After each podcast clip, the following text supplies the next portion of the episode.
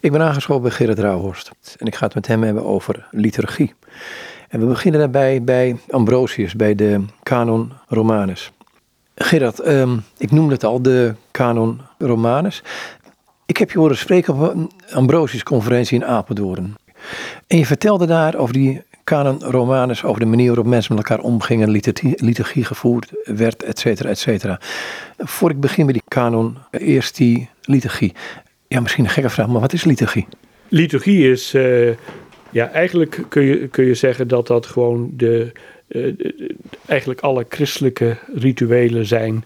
Mensen komen bij elkaar om eh, liturgie te vieren op zondag. Maar daar hoort ook daar hoort de doop bij. Maar er horen ook de feesten door het jaar heen. Eigenlijk, laten we zeggen, eh, christenen zijn net als alle andere mensen die van tijd tot tijd hun rituelen hebben. Maar ze geven daar een christelijke invulling aan. Nou, het geheel van al die rituelen, dat noemen we liturgie. Dat verschilt een beetje. In de protestantse traditie gaat het natuurlijk feitelijk vooral om de, om de verkondiging van het woord. Om de viering van het avondmaal en de doop. Andere kerken, zoals de katholieke kerk, die hebben natuurlijk veel meer. Die hebben meer eh, rituelen, meer sacramenten. Het huwelijk valt daaronder. Eh, uitvaart, eigenlijk is dat in de kerk van de Reformatie natuurlijk ook zo. Maar katholieken hebben ook een hele kalender met feesten door het jaar heen. Voor elke dag wat. En de kerken van de Reformatie, die hebben daar wat minder. Maar het geheel daarvan, dat noemen wij christelijke liturgie. Behelst dat het hele leven, als ik het goed hoor? Nou, je kunt eigenlijk zeggen, het moet een band hebben met het hele leven. Maar het is eigenlijk een andere term die in de Reformatie gebruikelijker is, is eredienst. Mensen komen samen om lof en dank eh, te brengen aan God. Om het uh, leven op bepaalde momenten ook te vieren. Om God om steun te vragen. En, dat, en liturgie, dat doe je in de gemeenschap. Je kunt natuurlijk ook privé bidden. Dat is allemaal prima. Maar liturgie is eigenlijk het gemeenschappelijke vieren zeg maar, van het geloof. Zoals ik eerder zei, um, het was een Ambrosius-conferentie. Um, en daar had je een toespraak over, gebaseerd op de Canon Romanus, als ik het wel heb. Wat is dat? Nou, de Canon Romanus is voor de westerse liturgiegeschiedenis, zowel voor de katholieken als voor de Reformatie, een buitengewoon belangrijke tekst. Want dat was uh, het Eucharistisch gebed, zeg maar het tafelgebed, het avondmaalsgebed, dat uh, vanaf de vierde eeuw ongeveer tot aan in de katholieke kerk eigenlijk tot, tot, tot op de dag van vandaag. Gebeden werd bij de viering van de Eucharistie, viering het avondmaal. Het was het enige gebed dat men tot aan de vooravond van de Reformatie kende. Het, eh, de inhoud van heeft in hoge mate ook de, de beleving van de avondmaal van de Eucharistieviering bepaald. Het heeft ook in hoge mate ook de reactie van de reformatoren bepaald, want die op een gegeven moment hebben ze sterk afgezet tegenover tegen die Romaanse kanons en bepaalde gedachten die daarin eh, naar voren kwamen, met name dan het idee van de offergedachte. En eh, ja, dat is een heel oud gebed, heel invloedrijk. Maar eh, het, eh, het moet qua oorsprong in ieder geval teruggaan tot de vierde eeuw. En Ambrosius heeft het gekend. Hij citeert er zelfs heel uitdrukkelijk bepaalde passages uit. Nou, dat is natuurlijk interessant. Dat is interessant voor, om te zien van, voor de geschiedenis van dat gebed. Want we weten dan en dan is het begonnen. Maar het is ook interessant om te zien hoe Ambrosius, wat hij ermee doet eigenlijk. Hè? Maar misschien is het dan goed eerst om nog iets te zeggen over die, die Canon Romanus. Wat was eigenlijk die Canon Romanus? De christenen voordat ze avondmaal vierden, de Eucharistie vierden, voordat ze de communie gingen, de deling van brood en wijn, werd er een lang dankgebed uitgesproken. Dat is in alle Oosterse en Westerse kerken is, dat heet Eucharistisch gebed. Uh, de, de, Romeinse vorm die gangbaar was in de stad Rome en Italië, die heette de, de Canon Romanus. En, zo. en die Canon Romanus die bestond uit een paar onderdelen, maar eigenlijk moet je goed weten van waar het mee begon. Het begon mee uh, dat brood en wijn, waar kwamen brood en wijn vandaan? Die hadden de gelovigen zelf meegebracht, van huis uit eigenlijk. Irenaeus, een kerkvader, zegt dat brood en wijn dat was waar ze voor hadden gewerkt, waar ze voor hadden gezweet. In die zin was dat ook een uitdrukking van hunzelf. Hè? Zij deelden, zij brachten dat brood en wijn mee. Dat werd gedeeld, uh, dat werd naar voren gebracht, gegeven aan de priester, diakenen enzovoort. En wanneer dat, soms met andere gaven ook nog, en er werd een gedeelte uit geselecteerd voor de Eucharistie in het avondmaal. En de rest van het brood, dat ging eh, ook naar de diaconie, naar de armen. Hè? Dat was ook met name de diaconie verbondenheid met de armen. En over dat Eucharistisch gebed daar werd een, uh, een dankgebed over die, die, die gaven, het brood en wijn die naar voren werden gebracht. Daar werd een, een dankgebed over gesproken. Dat noemen wij het Eucharistisch gebed, dankzegging. En uh, daarin werd gedacht van dit is eigenlijk onze offergave. Hè? Onze offergave, dit is het offer dat wij aanbieden. Een dankoffer is dat. Hè? Nou, je voelt al aan natuurlijk, daar komt de thematiek offer op duiken, dat een heel beladen betekenis krijgt in de latere geschiedenis. Maar daarmee begon het eigenlijk al. Ik denk een paar dingen zijn belangrijk. Het gaat om een dankoffer. Het gaat ook om het dankoffer van de gelovigen van de hele gemeenschap die dat aanbiedt. Dan moet je dus realiseren dat in Rome, Italië, overal in de westerse wereld, daar was men gewend aan offers. Offers was het meeste gangbare ritueel dat men überhaupt kende in het hele Middellandse zeegebied. Hè. En offers hadden allerlei verschillende functies. Het normale, meest gangbare offer was het slachten van dieren. Dieren werden geslacht en dat werd eh, gezamenlijk opgegeten. Dat offer dat diende voor allerlei doeleinden. Voor het uh, verzoenen van de goden, om de band met de goden herstellen. Ja, je gaf een geschenk hè, om uitdrukking te geven aan dat je graag iets gedaan wilde hebben. In het Oude Testament is heel veel sprake van offers. Ook in het Jodendom was het gangbare offer. Ehm, dat speelde dus bij de mensen die naar de kerk gingen, speelde dat in hun achterhoofd mee. Alleen, ze hebben die traditie van het offer opgenomen, maar tegelijkertijd er een nieuwe duiding aan gegeven. Het is een geestelijk offer. Kijk, dus een van de interessante veranderingen die zich in hele oudheid voordoet, is van dat dat algemeen gangbare offer van dieren, dat je in een tempel brengt hè, aan de goden, dat dat in zekere zin als offer van de dieren is afgeschaft. Maar bepaalde dingen blijven daarmee, blijven daarmee voortbestaan. Dat geldt eigenlijk in het Jodendom ook. Hè? De tempel werd verwoest in 70, maar de Joden zeiden: wij hebben andere offers. Wij kunnen God ook een gebed brengen. Of we kunnen daden van barmhartigheid doen. Dat is ons geestelijke offer. Nou, je moet je voorstellen dat die Romeinse kanon ook een, een, een manier is om van, om van dat geestelijke offer, dus tegelijkertijd verbondenheid met die Romeinse traditie. Als je kijkt naar de taal van de Romeinse kanon, dan zie je allerlei termen die uit de Romeinse cultus eh, stammen. Tegelijkertijd heeft het een andere betekenis gekregen, eigenlijk. Hè. Er is een probleem bij het offer. Offer als zodanig is ook een heel algemeen menselijk gegeven. Want offer is eigenlijk ook het, geven van een geschenk. Mensen onderhouden relaties onder elkaar door elkaar een geschenk te geven. Je gaat bij iemand op bezoek om te eten, dan neem je iets mee, bosje bloemen of een fles wijn. En dan zal misschien degene die ontvangt zal zeggen, want het had niet gehoeven. Nee. Wat, wat iemand vanuit een andere cultuur denkt, van, waar hebben jullie het nu weer over in Nederland? Ja, ja, ja goed. Dus dat was dus eigenlijk, maar zo onderhouden mensen relaties met elkaar. Door geven en nemen.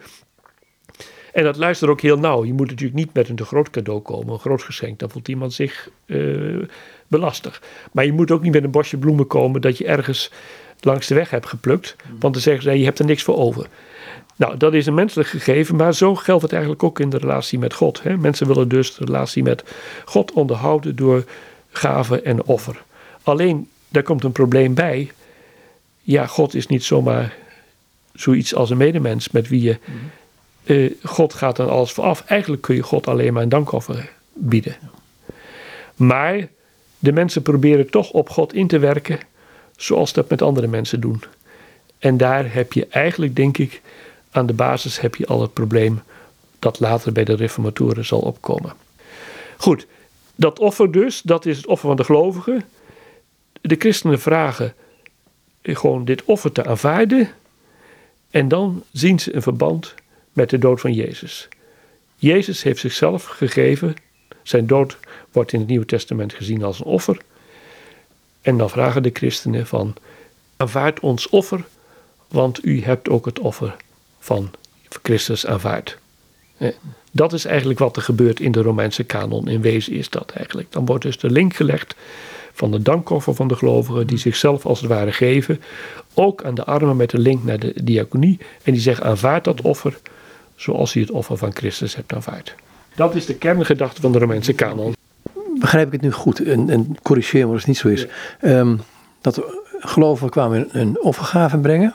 Ja. Ik noem maar brood en wijn. Ja. Um, en dat het een gemeenschap was, ook met de brood en de wijn zoals Christus het avondmaal ingesteld heeft. Dat het dus, uh, ga ik ver terug als ik naar Paulus terug ga, die zegt van jongens, uh, het was tegelijkertijd een maaltijd of ga ik nu te ver terug? Het was tegelijkertijd een maaltijd. Hè. Je kunt natuurlijk uh, zeggen van, zeker in de eerste eeuwen, toen de groepen nog klein waren, toen hadden de mensen die vierden echt gewoon een, een normaal een maaltijd thuis. Maar ik denk dat ze aan het begin van die maaltijd uh, gebeden zeiden, dankzegging, zoals, zoals dat trouwens in de Joodse traditie ook gebeurde. En daarin verwezen naar Christus. Hè? Christus herdachten, met name dan ook, maar niet uitsluitend, naar uh, de maaltijd aan de, op de vooravond van zijn dood. Maar ook naar andere, het Emmaus verhaal, hè, van ze herkenden hem aan het breken van het brood. En daarna hielden ze een gewone maaltijd. Hè? En brood was natuurlijk het hoofdgerecht.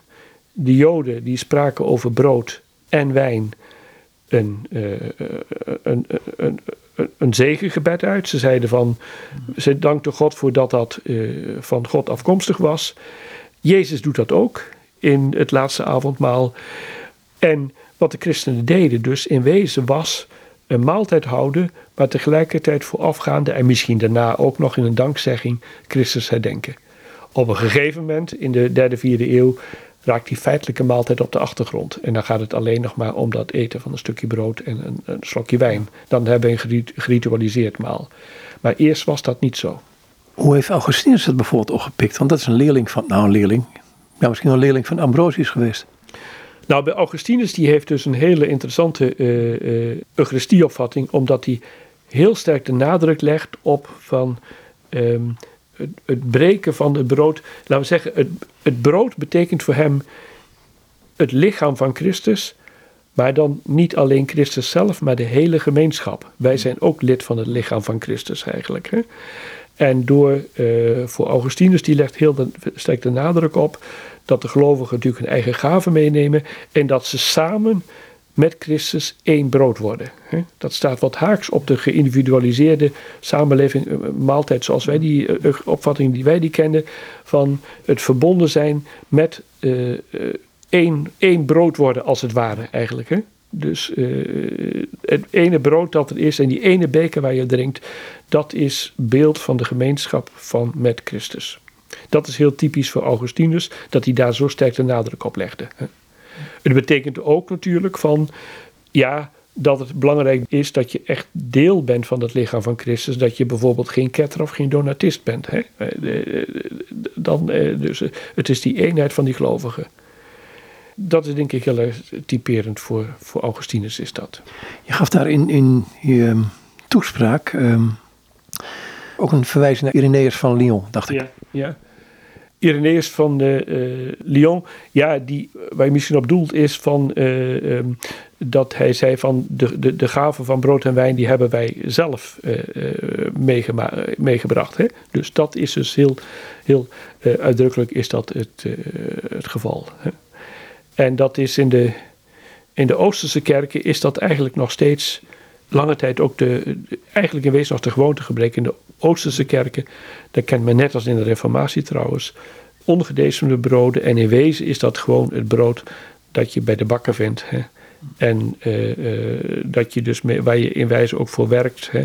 En uh, ja, het is dus eigenlijk ook de gave van jezelf. Hè. Je geeft jezelf zoals Christus zichzelf heeft gegeven. Hoe is die ontwikkeling verder geweest, moet ik zeggen? Um, van hey, je geeft jezelf, je bent er duidelijk bij betrokken, naar ik neem deel aan een rite die daar plaatsvindt. Ik zeg het een beetje raar nu. als een soort van individu wat de kerk binnenkomt lopen, je neemt deel en je gaat weer weg. Als een soort veiligheid, als een soort van. Uh, nou, ik heb één priester ooit horen vertellen, wij moesten dus het aantal mensen tellen wat deelnam aan. Ja, dat je neemt aan iets. Ja, ik denk natuurlijk dat het ook komt dat die uh, gemeenschappen dus groter worden, natuurlijk anoniemer. Dus in het begin waren natuurlijk ook ja, die, die, in de eerste eeuw die christenen bij elkaar kwamen, er waren niet veel meer dan 20, 30 mensen, denk ik, in een huiselijke setting. Hè. We krijgen natuurlijk in de, in de, in de vierde, vijfde eeuw, krijg je die grote basilica's, die grote stadskerken, waar wel 5 tot 800 mensen in konden. En daar ging men naartoe. En dat is natuurlijk ook een stuk anoniemer, is dat. Bovendien heb je daar allerlei soorten van gelovigen. Heel gemotiveerde gelovigen, minder gemotiveerde gelovigen. Gelovigen die alleen um, in het eerste deel voor de woorddienst kwamen en daarna weer teruggingen. dus gelovigen die niet de communie gingen, gelovigen die zich ehm, hadden laten dopen of die categemeen bleven en zich niet laten dopen vanwege de consequenties. Dus er was een enorme verscheidenheid. Ik denk dat er ook nog bij komt dat, maar dat is in de middeleeuwen steeds sterker geworden, van dat natuurlijk steeds het idee komt, het is eigenlijk de priester die het doet. Hè? De priester die voorgaat. Kijk, in het begin, in die Romeinse kanon, in de oudste tekst, daar staat nog van, steeds van, wij bieden u dit offer van lof aan. Hè? En wij, dat zijn gewoon de gelovigen die brood en wijn hebben meegenomen. De priester zegt dat weliswaar, maar hij zegt dat uit naam van, hm, van de gemeenschap. In de middeleeuwen komt steeds meer de nadruk op te leggen: het is de priester die die gave aanbiedt voor de overige gelovigen. Je voelt misschien al aan, dan kom je natuurlijk langzamerhand in bij praktijken waar de reformatoren zich eh, sterk tegen af hebben gezet. Maar de focus is er op de priester. Eh, de priester die celebreert. Ik ken een pastoor die, die zegt dan steeds van ik celebreer. En dan denk ik, wat doen de overige gelovigen dan eigenlijk? Hè? Celebreren die niet? Celebreren die niet? Dus dat is meer het idee van de priester. En je kijkt daar als gelovige naartoe. Wat nog niet wil zeggen dat de gelovigen daar totaal niet bij betrokken waren. Daar moet natuurlijk heel voorzichtig mee zijn, mhm. denk ik. Dat heeft er dus wel mee toe. Dat zijn factoren die er mee gespeeld hebben. Dat men eh, eh, het meer op afstand is uh, komen te staan, denk ik. Ook het hele ritueel. Het is natuurlijk een prachtig ritueel geworden. Soms ook een schouwspel, een kijkspel. Ja, zo voel ik het af en toe wel. Dan denk ik, ik kan, op het moment dat ik denk het is een schouwspel, dan kan ik niet participeren. In ieder geval participeer je anders. Je kunt naar het theater gaan en je kunt naar een film kijken. Dan participeer je natuurlijk ook wel op een mhm. bepaalde manier. Maar minder dan wanneer je gewoon ja, eigenlijk is, als je met theater wil vergelijken, dan moet je zeggen van is de liturgie waarin je zelf ook een bijrol hebt of zo. Of in ieder geval ook meespeelt eigenlijk. Hè? Dat, dat is denk ik toch het verschil. Ja, en op zich, de moderne westerse mensen, die vinden het ook wel veilig dat je op afstand kunt kijken naar liturgieviering en niet echt hoeft mee te doen. Dat je niet echt geëngageerd raakt. Dat heeft ook wel iets prettigs, kan dat hebben eigenlijk. Hè? Maar is door het zo te ritualiseren en zo veel nadruk te leggen op de priester, is er daar niet een, ook niet een afstand gecreëerd? Ja, nee, daar is zeker een afstand gecreëerd. Die is in de middeleeuwen uh, natuurlijk veel sterker geworden. Je moet je natuurlijk wel kijken, de mensen hadden hun manier van participeren. Wat ook nog meespeelt, of je is bijvoorbeeld of je zingt. Hè? Mhm. Nu zien we dat later dat zingen ook steeds meer aan een koor wordt uitbesteed en zo.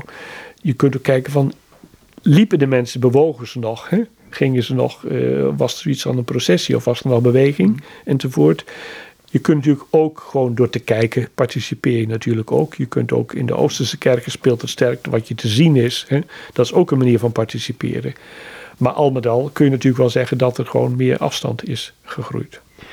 Hoe heeft dit zich ontwikkeld naar um, wat het geworden is, een offer? Het celibaat heeft erbij mee te maken. En later de reformatie die zich daartegen afgezet heeft. En wat, wat zijn daar de ingrediënten van geweest? Kijk, het punt van offer is natuurlijk van dat dat iets in heel veel verschillende dingen kan oproepen. Dus ik verwees al naar dat het iets gewoons is in het dagelijks leven van geschenk en zo. Hè. Ja, uh, het offer, dat kan iets hebben van ik geef iets weg, ik sta iets af van mijzelf. Hè. Maar in die Romeinse kanon zit ook die dubbelheid van ik, ik geef toch een cadeau en bid tegelijkertijd voor de kerk en voor mensen en in de middeleeuwen voor de overledenen. En als je dan ook nog de priester krijgt als een soort. Kijk, je krijgt bepaalde patronen die via een omweg weer terugkwamen in de Oud-testamentische tempelcultus, maar ook bij de Grieken en de Romeinen was eigenlijk een offer dat werd gebracht door een priester. En die was niet een voorganger, maar die was degene, de middelaar tussen God en mens. Dat idee komt in de uh, middeleeuwen gaat het ook steeds weer meer uh, domineren. En dan kijken de gelovigen naar hoe, hoe de priester het offer voltrekt. En dan zeggen ze in katholiek taalgebruik het opdragen van de mis.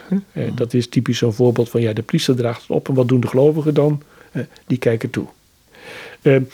je moet natuurlijk wel realiseren, het is natuurlijk ook wel, het offer is als zodanig erg vergeestelijk. Het roept verschillende dingen op. De realiteit van de offers bij de Grieken en de Romeinen en in Jeruzalem in de tempel was eigenlijk, het was gewoon, het, de tempel in Jeruzalem was een ritueel slachthuis. Hè. Er werden beesten geslacht met bloed enzovoort eigenlijk. Hè. Als je daar zelfs de, de, de, latere Rooms-Katholieke, de middeleeuwse mis naast plaatst, dan is dat natuurlijk in zekere zin al een heel geestelijk offer eigenlijk. Is heel sterk vergeestelijk taal. Maar de link met het celibaat? De link met het celibaat. het celibaat is een ingewikkeld verhaal, want er zijn natuurlijk verschillende motivaties eigenlijk voor. Je moet allereerst um, celibaat, denk ik, onderscheiden van het maagdelijkheidsideaal. Mhm. Het maagdelijkheidsideaal was in de vroege kerk in het algemeen sowieso sterk. Niet huwen, niet trouwen, niet een geminst, gezin stichten. Daarmee onderscheid je eigenlijk ook van de rest van de samenleving, die bezig was met het. Uh, monniken trokken zich terug in de samenleving, gingen heel alternatief lezen. Dat had als zodanig niet direct wat met Eucharistieviering te maken. Ik denk dat als het gaat in relatie tot de Eucharistieviering, dat ook meespeelt van het idee van. Als je dit offer voltrekt, dit geestelijke offer, dan moet je toch eigenlijk rein zijn. Ehm, dus je moet even in seksuele onthouding leven. In de westerse kerk komt daar iets bij, een verschil met het oosten, dat men daar de dagelijkse Eucharistieviering kent. Dat betekent dus dat je elke dag in onthouding moet leven. Nou ja, dan gaat het eigenlijk nog niet eens zozeer om dat je eh, niet met een vrouw samenwoont, maar het gaat vooral om dat je seksuele reinheid betracht. Dat is in ieder geval, de, dat is ook een verschil met het oosten. In het oosten heeft men de dagelijkse Eucharistieviering niet gekend. En ik denk dat dat een van de redenen is waarom de priesters daar getrouwd zijn gebleven. En in het westen niet. Het draagt er natuurlijk wel toe bij dat op een gegeven moment eigenlijk alle priesters een soort van monnikenleven gaat eh, leiden. En dat je ook een tweedeling krijgt tussen de christenen, tussen de gehuwden die uh, een gezin stichten, een baan hebben in de samenleving. En de andere, dat zijn de leken. En dat is zeker een van de motivaties voor het celibaat. Eén van de motivaties, hè. Dus... Uh, ja, er zijn er meer te bedenken, maar goed. Um, waar hebben de reformatoren zich nou tegen afgezet in die, in die Uh, even afgaand op het voorgaande wat je gezegd hebt. Ik denk dat het springende punt is geweest, dat zie je dus bij Luther, daar is het eigenlijk mee begonnen, dat Luther zich afzet tegen de aflatenpraktijk. Dat via door iets eh, te geven, door geld te geven, dat je daarmee iets kunt bereiken. Daarmee ging het niet alleen om de aflatenpraktijk, het ging in de uh, middeleeuwen dus ook heel sterk om het idee van uh, de Eucharistieviering, de mis, dat is een offer, dat wordt gebracht door de priester. Daar moet je ook in plaats van brood en wijn wat geld voor geven, want eh, het brood en wijn was vervangen door collecte. En daarmee kun je dus uh, de, de, de overledene, die kun je uit het vagevuur redden. En uh, dat is een soort haast, een soort levensverzekering wordt dat dan, dat de mensen veel missen laten lezen. Als het gaat om de Eucharistieviering, is het bij Luther is het vooral dat protest geweest tegen die Romeinse kanon. En dan zie je dus twee dingen gebeuren. Dat Luther die heeft een paar avondmaalsformulieren geschreven. In het eerste, daar heeft hij uh, de Formula Missae, daar heeft hij nog veel van de Romeinse kanon eigenlijk bewaard. Maar daar heeft hij bijvoorbeeld offer ontvangen, uh, vervangen door gebed. Hè? Om maar eens iets te noemen eigenlijk. Hè? Dus uh, gewoon, daar heeft hij het al. Het tweede, de Duitse messen, die was dan ook in het Duits. Daar zie je dus dat eigenlijk van de hele Romeinse kanon dat die in wezen helemaal praktisch is geschrapt. Wat nog overgebleven is het eerste gedeelte van die dankzegging. En dan vervolgens met name de instellingswoorden. Die worden zeer centraal geplaatst. Dat zijn de woorden van Christus. Daar gaat het om. Wij moeten de, de, de, de, de avondmaal vieren zoals dat tijdens het laatste avondmaal is, precies is gebeurd. Mhm. En de woorden van Christus, die zijn centraal. Niet meer om ze de brood en wijn te veranderen van uh, gedaante eigenlijk. Hè. Dat is wat ingewikkeld, maar met name ook vanwege het verkondigen. Uh, verkondigende karakter van. En dat moet precies zo gebeuren. Brood en wijn onder twee gedaanten. In de middeleeuwen daar ging men alleen maar onder de gedaante van brood. En niet de wijn niet meer, want men was bang dat dat morste. Luther die zei in navolging al van groepen voor hem, Jan Hus in Tsjechië, die zei van Jezus heeft gezegd van eet en drinkt, dat moeten we dus ook doen. Ja. Nou ja goed, uh, bij Luther heeft verder nog elementen uit het, uit het mistritueel bewaard, zoals Kyrie, Gloria en al die gezangen die je in de, in de missen van Bach bijvoorbeeld, die Lutheraan was, nog kunt terughoren. Calvijn hier in Nederland, die is een um, nog radicaler geweest. En die heeft de hele Romeinse kanon, eigenlijk het hele misritueel, uh, geschrapt. Maar hij en enkele andere reformatoren, die bouwen wel voort op een praktijk die in de middeleeuwen was gegroeid. Want wat was in de middeleeuwen het geval? Je had een tweedeling in de kerk. Rondom het altaar, die heilige altaarruimte, waar de priesters bezig waren. En in het schip van de kerk, daar stond een kansel en preekstoel. Daar hielden de gelovigen zich op. Dat was natuurlijk vaak relatief chaotisch. Daar gebeurde van alles nog wat. Daar werden bepaalde preekdiensten gehouden. Rondom de kansel. Monniken die kwamen daar, die hielden een preek. Vaak gelijktijdig met gewoon de, het vervolg van de mis. En de gelovigen die gingen daaromheen zitten. En er was een liturgietje rondom ontwikkeld. Het begon met de tien geboden. Die nu nog gezegd worden in, een aantal reformatorische kerken. Wat meer orthodoxe reformatorische kerken. Men bad het Onze Vader. Men bad het Wees gegroet. Men bad de voorbeden. Eh, er werden wat liederen gezongen. En dat was de basis voor het latere reformatorische avondmaal zoals wij dat kennen. En daarvoor zijn teksten geschreven. Goed, het, Onze Vader is bijvoorbeeld bewaard. Hè? Dus uh, het gereformeerde avondmaalsformulier kent een parafrase op het Onze Vader enzovoort. En daardoor is, ja, en alles zoveel mogelijk terug naar zoals men dacht dat Christus dat in de tijd van Paulus gedaan zou hebben. Kunnen zeggen dan, um, ik, ik, schiet maar wat, wat in de lucht door met een schot hagel, denk ik. Ja. Tot het moment dat Christus stierf, uh, was het voorhangsel met van boven naar beneden geschud. Dus die weg naar het heiligste lag open. Is er in de geschiedenis weer een barrière gemaakt, waardoor dat minder toegankelijk werd. En er weer een, een soort voorhang voorkwam. Voor, voor, hè, om, om bij het altaar van God te komen, om het zo te zeggen. Nou ja, kijk, ik denk altijd dat wat in rituelen, in liturgie gebeurt is, dat je ja, via uh, teksten, via symbolen, gebaren, hoe dan ook, eigenlijk toch ja, die goddelijke sacrale wereld wil oproepen. Hè. In het vroege christendom kun je natuurlijk zeggen van uh, dat er gezegd is, ja, die tempel hebben wij niet meer nodig, zoals dat trouwens de Joden in de synagoge ook uh, zeiden, die hele offerrituelen niet. Christus is onze toegang tot God.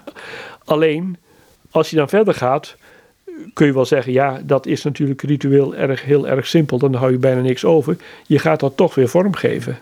Je gaat om juist die aanwezigheid van Christus tot uitdrukking te brengen, ga je dat vormgeven. En dan zie je dus dat er weer kerkgebouwen ontstaan, dat er weer een ritueel patroon ontstaat. En daarvan kun je zeggen, ja, van de ene kant is dat bedoeld om toegang te geven tot God, maar het kan ook een barrière worden. En dat is eigenlijk de pendelbeweging.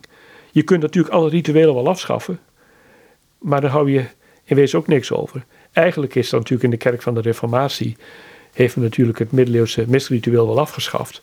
Maar in feite is er natuurlijk weer een nieuw ritueel voor in de plaats gekomen. Een ander ritueel. Is, is dat wat je al aangaf, de grote moeite niet tussen een ritueel uh, wat op een gegeven moment op zich komt te staan, waardoor het een barrière wordt, en het ritueel waar je de inhoud verinnerlijk bij jezelf, ik zeg het een beetje raar misschien.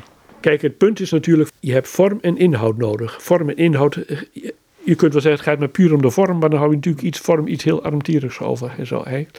Maar het gevaar van de vorm is altijd is dat de vorm weer losraakt van de inhoud. Dat de vorm doel op zich wordt. Dat is eigenlijk denk ik het hele dilemma van de liturgiegeschiedenis. Hele dilemma van, zeg maar, van sacramenten en zo. Het gaat erom dat ze verwijzen, doorverwijzen naar, in contact brengen mee. Maar het gevaar is natuurlijk altijd dat dat middel doel op zich wordt. Nou je in je toespraak, dat vind ik eigenlijk meer vond ik dat een onde ondeugende excurs, had je het over uh, Petrus Abelardus. Over het feit dat niet per se de priesters uh, moesten celebreren, maar dat kon ook gewoon mensen, zelfs vrouwen uit het volk zijn. Ja, kijk, dat, het interessante is, bij Ambrosius zie je dat, maar zie je bij andere kerkvaders, dat die op een gegeven moment uh, zeggen van, het gaat om, waar gaat het om? Het gaat om Christus zelf, de woorden van Christus zelf. Nu moeten die woorden door iemand uitgesproken worden. En dat was normalerwijze gewoon de priester. Dat heeft er in de praktijk toe geleid dat die priester een steeds belangrijke rol gaat spelen. Maar eigenlijk is dat niet zo. Kijk, in de katholieke traditie daar is een heel mooi begrip ex opere operato. En dat betekent een ritueel, wanneer is een ritueel geldig? Er zijn twee dingen vereist. Dat is dus dat er geloof aanwezig is van de mensen die erin geloven. Want als je er niet aan gelooft, dan, dan, dan werkt het ook niet. En het ritueel, de teksten, die moeten goed voltrokken worden, omdat het om Christus zelf gaat. En dat was ook ter bescherming van. Mensen kwamen met de vraag, bijvoorbeeld: wij hebben een priester die dronken is. Of een priester misschien die wel uh, het celibaat niet houdt. Of een priester die getrouwd is, maar misschien vreemd gaat of zo. Is dan die mis wel geldig? Ja, werd er gezegd, want daar gaat het niet om. Het gaat niet om de priester. Het gaat erom de geloof van de gelovigen. En dat wat daar gebeurt, dat, dat Christus daar werkzaam is. Daar gaat het om. Vandaar natuurlijk dat je eigenlijk kunt zeggen dat. Uh, maar die priester is zo benadrukt. En dat in de middeleeuwen dan gezegd wordt van dat Peter Abelard bijvoorbeeld zegt van, ja, in wezen gaat het niet uh, om de persoon van de priester. Het zou zelfs een vrouw kunnen zijn. Nou, in zijn tijd was dat natuurlijk vrij ondenkbaar. Hè? Maar waarmee hij wilde zeggen van, het gaat eigenlijk niet om dingen. Daar, daar heeft hij een belangrijk punt te pakken. Katholieken gebruiken ook wel eens heel makkelijk het argument, en protestanten trouwens ook, van de priester moet uh, Christus tegenwoordig stellen en daarom moet hij een man zijn. Dat is natuurlijk een zeer gebrekkig argument. Ik denk het antwoord wat de theologen dan geven. Nou, je wil natuurlijk wel dat degene die voorgaat in de Eucharistieviering, dat die gewijd is, dat die erkend is. Want anders dan kan iedereen het wel doen en zo. Maar in wezen was het punt dat er werd gemaakt was, het gaat om de gemeenschap van gelovigen en het gaat om Christus. En pas dan komt de priester. Nou, naar aanleiding daarvan, we hebben natuurlijk in de Rooms-Katholieke Kerk in de jaren 60 na het Tweede Vaticaans Concilie ook een liturgiehervorming gehad. Daar heeft men precies die twee dingen naar voren willen brengen. Teruggrijpen op de vroege kerk van het is eigenlijk uh, wie is het subject, wie viert eigenlijk liturgie? Dat is de gemeenschap en dat zijn Christus. En die priester die komt op de tweede plaats. Die is wel belangrijk, maar goed, daar gaat het eigenlijk niet primair om. Dus je komt niet kijken naar de mis van de priester. Dat heeft men eigenlijk in die zin willen teruggaan naar de vroege kerk. Je ziet nu dat er natuurlijk toch weer reacties op komen die zoveel nadruk leggen op de priester dat je zegt waar blijven de gelovigen nog.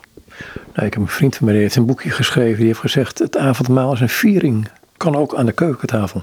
Ja, in principe, als het puur om de inhoud gaat en niet om de vorm, kan het. En in noodsituaties zijn er natuurlijk Eucharistieviering in kippenhokken, in bunkers en ik weet niet waar allemaal dingen. Dat betekent nog niet dat je dat ook moet doen als het niet nodig is. Hè? Maar dat is dan misschien een katholiek geluid, dat ik zou zeggen, ja, die vormen, die symbolen zijn natuurlijk wel heel belangrijk, want die kunnen ook behulpzaam zijn. Dus als je alles zo simpel mogelijk maakt, dan verliest het zijn tekenwaarde. Als je naar de inhoud gaat, hè, ehm, ik, ik, pak iets bij um, Therese van Avila vandaan, die zegt van oké, die kwam tot een besef op een gegeven moment bij de, bij de Eucharistie, bij de, ik noem het maar even de avondmaalsviering ook. Ja dat Christus zichzelf aan haar gaf. Dus het was logisch dat zij zichzelf aan Christus gaf. Dat hele persoonlijke aspect, dat komt in de Heerbaan. Nou ja, goed, we hebben uh, denk ik uh, in de. Uh, je hebt van de ene kant de gemeenschap en van de andere kant de individu individuen. Ik denk dat in de middeleeuwen, aan de vooravond van de Reformatie, er ook een heel sterke ontdekking is geweest van de individuele, de individuele betrokkenheid. Hè? Van je kijkt naar de hostie en zo. De individuele biecht trouwens, hè, is denk ik daar ook eigenlijk een uiting van. En zo eigenlijk. Het gaat om de relatie tussen God en mij. Dat is natuurlijk ook een, een, een andere pool die je juist in de, in de geschiedenis van de vroomheid en de spiritualiteit, zeker vanaf de middeleeuwen, heel sterke rol speelt. Maar goed, die heeft op zich ook al veel oudere wortels al. Er is dus ook de spanning van gemeenschap en zo. Maar als je helemaal losmaakt van het gaat alleen nog maar om mij en Christus, dan ben je dus de band kwijt met wat Augustinus zo sterk benadrukte: van wij maken deel uit van het ene lichaam van Christus. Dus niet alleen puur individu, dat is denk ik een ander. Er is in de geschiedenis van christendom altijd een spanning geweest tussen de gemeenschap en het individu. Dat heb je dus altijd, altijd gehad. Maar ik wil ook, ook wil ik een beetje heen naar. Um, hij geeft zichzelf aan mij, dus ik kan accepteren wat mij gegeven wordt of wat ons gegeven wordt. Ja, ja. Versus ben ik wel waardig genoeg? Want dat is natuurlijk een dilemma wat nog steeds speelt trouwens. Ja, van de ene kant is het zo dat als jij deelneemt aan de, aan de maaltijd des Heren, zeg maar aan het avondmaal, is dat niet vrijblijvend.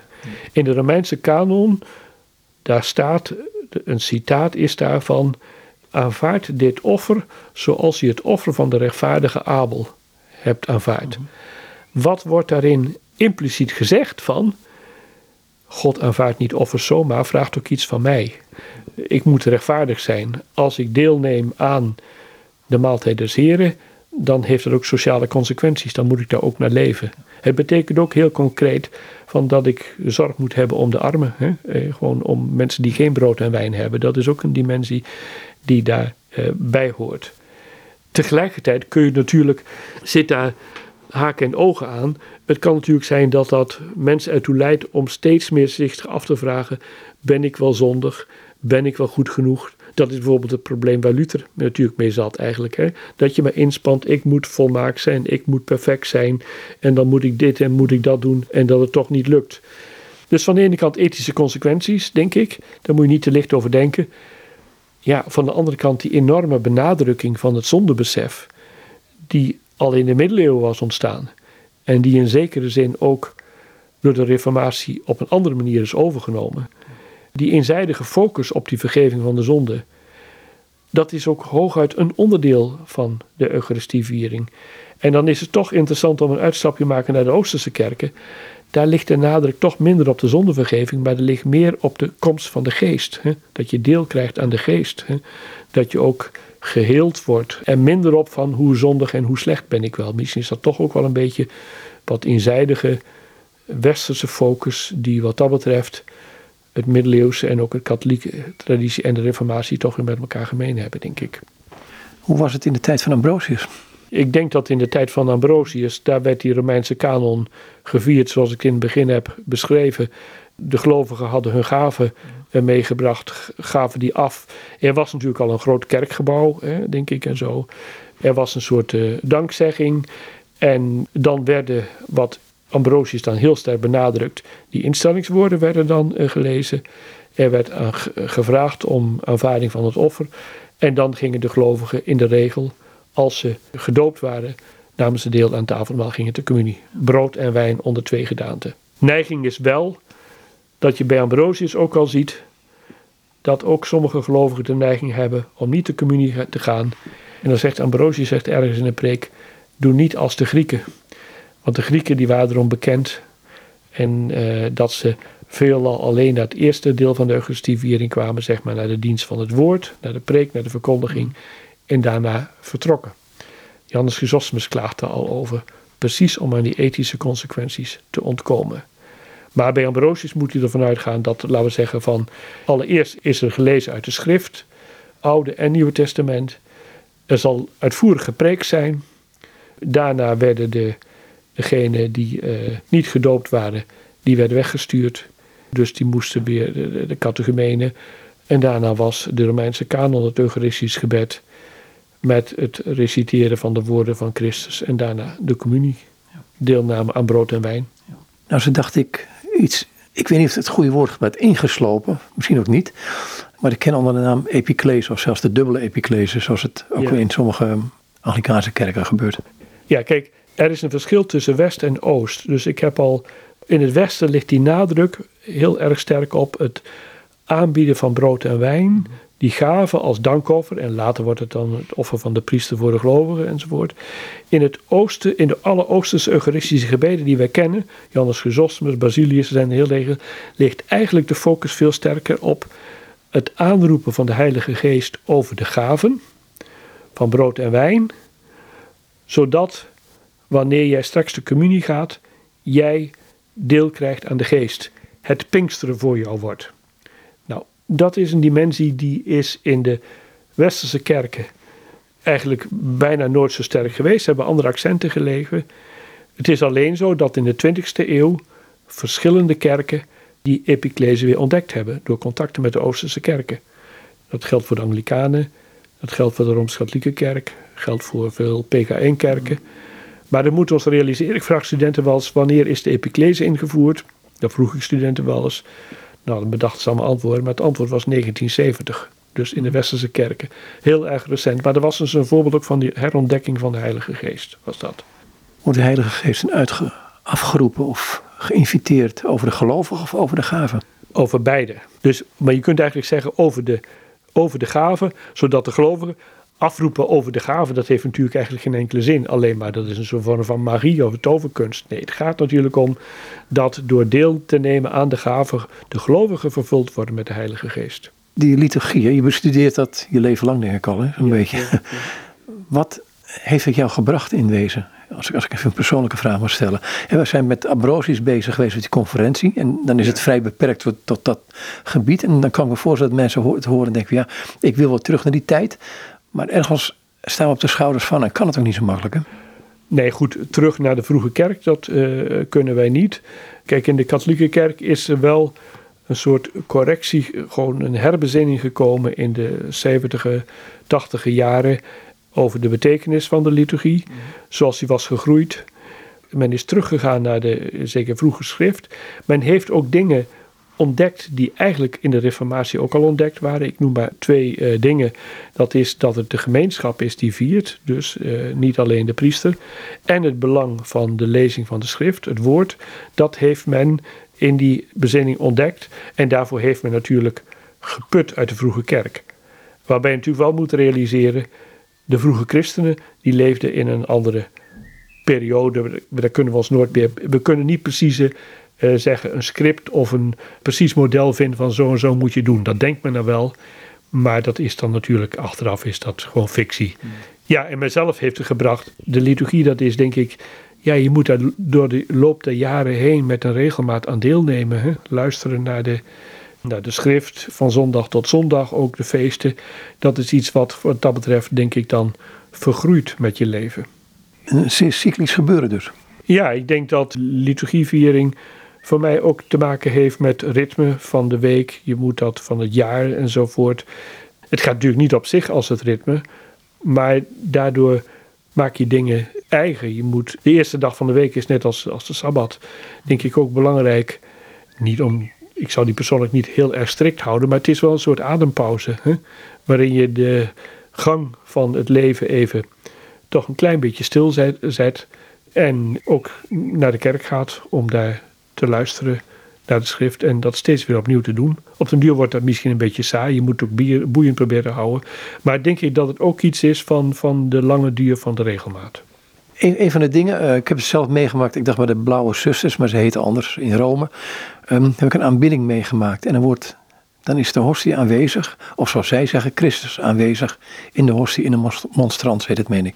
Ja, dat is een praktijk die alleen de westerse uh, kerken kenden. In het oosten kende men dat niet.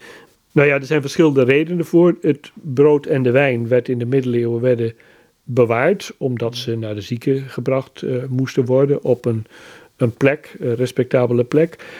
Er kwam ook nog bij dat voor veel, uh, veel gelovigen die voelden zich niet waardig om te communie uh, te gaan. Mm. En dan werd gezegd, ja, maar je kunt dus ook in de middeleeuwse beleving, je kunt op een geestelijke manier te communie gaan.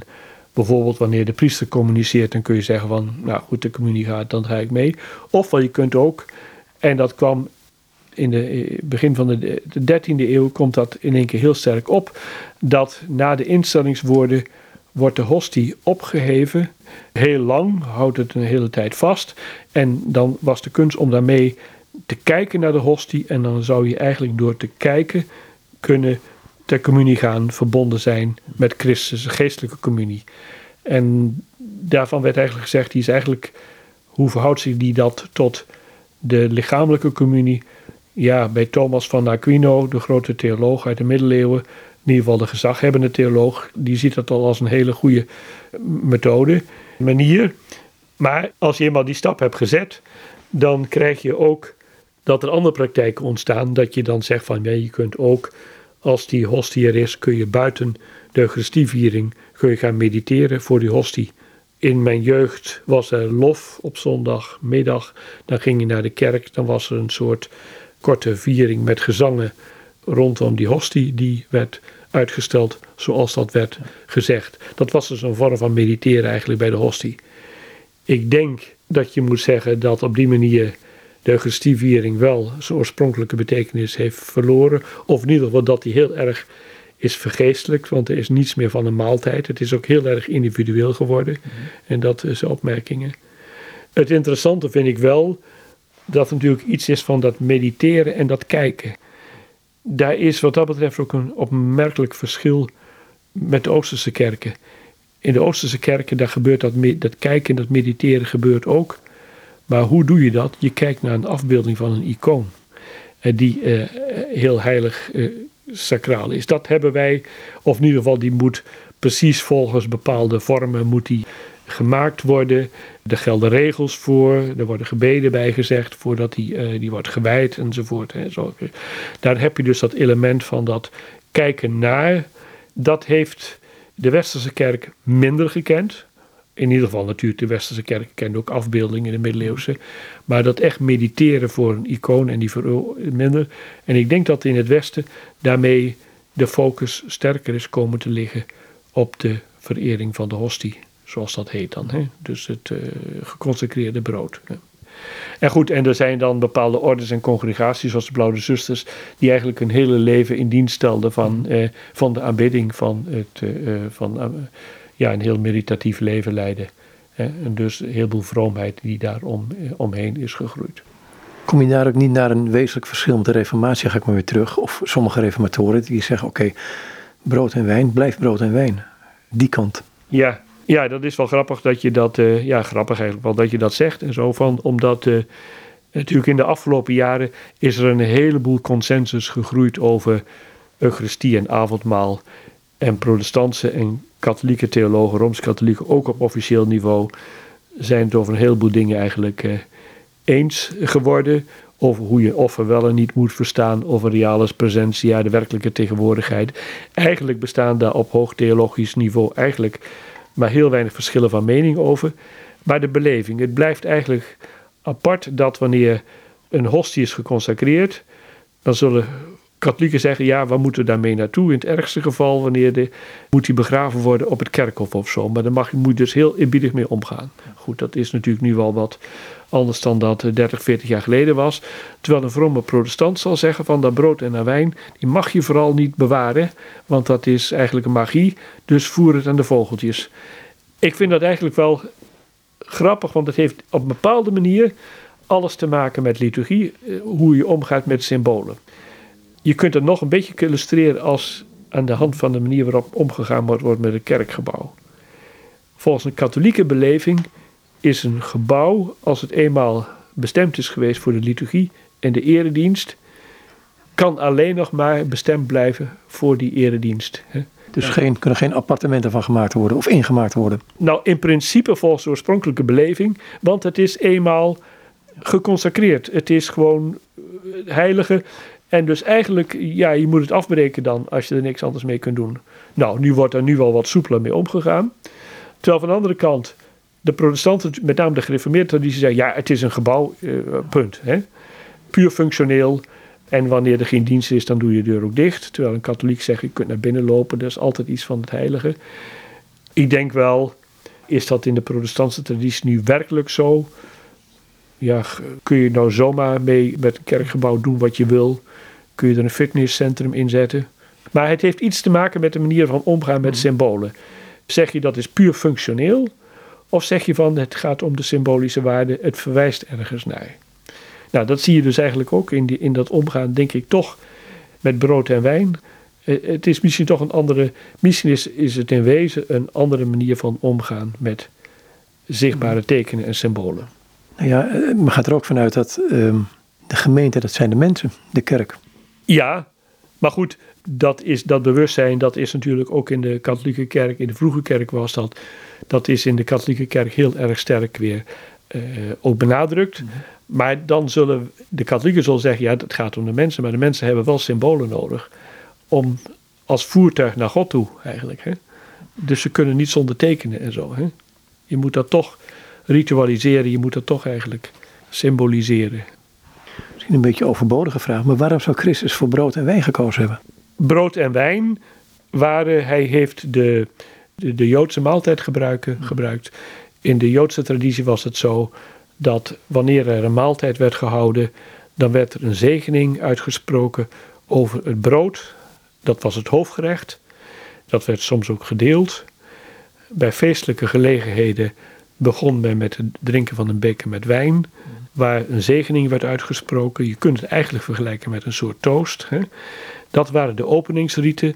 En Jezus die heeft aan het begin gezegd van, ja, hij was zat als het ware die maaltijd voor van, volgens de traditie van de instellingsverhalen, dit brood, dat is, dat ben ik eigenlijk ikzelf, ik geef mezelf. En die beker, als je daaruit drinkt, dan neem je deel aan het verbond. Dus hij heeft die twee elementen uit de Joodse maaltijd gebruiken, heeft hij opgepikt en daar een eigen duiding aan gegeven. En dat is de reden waarom ze ook voor de christelijke traditie zo belangrijk zijn gebleven. Maar het gaat om, om meer dan symbolen, of gaat het alleen om symbolen? Ja, het gaat om symbolen, maar in de symbolen is God aanwezig. Hè? Je kunt niet zeggen, want dat is een bepaalde rationalistische interpretatie die je in de Reformatie, met name bij Zwingli, zegt van het is puur een symbool, alleen maar een teken aan iets wat voorbij was. Dat zegt de katholieke kerk, zegt dat niet. Dat zegt de Luther en Calvijn zeggen dat ook niet. En de katholieke kerk die kent de leer van de transubstantiatie, wat eigenlijk een heel ingewikkelde leer is, die eigenlijk inhoudt dat brood als zodanig qua uiterlijke gedaante wijn natuurlijk gewoon brood bereikt. Hè. Het is niet zo dat het in één keer vlees wordt of zo, het vlees van Christus. Tegelijkertijd is gewoon op een, ja, de substantie, iets wat eigenlijk niet is, laten we zeggen, veranderd. Maar je moet je realiseren dat zijn pogingen, armzalige pogingen, om iets uit te leggen van het mysterie van de aanwezigheid van Christus in de tekenen van brood en wijn. Nog een keer naar Ambrosius, um, ter afsluiting. Um, we hebben het over de canon Romanus gehad. Um, toch naar die Ambrosius toe. kort, wie was hij? En wat is het belang van deze canon voor ons, deze tijd? Ja goed, Ambrosius was natuurlijk een van de uh, grotere kerkvaders uh, uit, de, uit de vierde eeuw. Bisschop van Milaan. Op vrij late leeftijd op verzoek van, het, uh, van de gelovigen gekozen tot bisschop. Het moet iemand geweest zijn met een enorme bestuurlijke ervaring. Dus het was ook een, een groot bestuurder. Origineel theoloog. Hij heeft trouwens niet die Romeinse kanon zelf geschreven, die was er al. Hij volgde gewoon de tradities die er al waren. Maar hij geeft er wel een bepaald, hij legt bepaalde accenten. En het interessante is dat hij citeert gedeelten daaruit. Hè. Hij zegt van ook, ja, dat is de traditie die, uh, die al bestaat. Die waarschijnlijk uit Rome komt. Hè. Dus die heeft hij gewoon gebruikt. Maar de nadruk die hij legt op de woorden die Christus uitspreken, ik denk dat dat een, een eigen accent is van Ambrosius. Daar kunnen we hem dankbaar voor zijn. Ja, nou ja, goed. Eh, ik denk van het heeft, zoals dat zo vaak is in de geschiedenis, iets dubbels en zo. Want hij focust zo sterk op die instellingswoorden daardoor.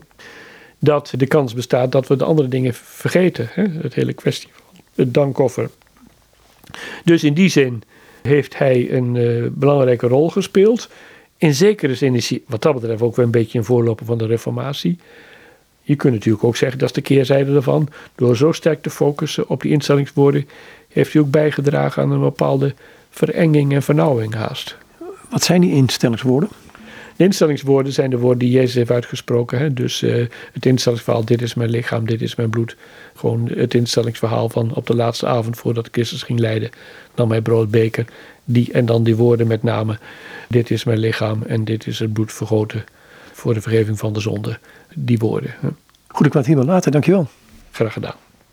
En dit zei Gerard Rauwers en met hem was ik in gesprek over liturgie aan de hand van de Canon Romanus uit de tijd van Ambrosius.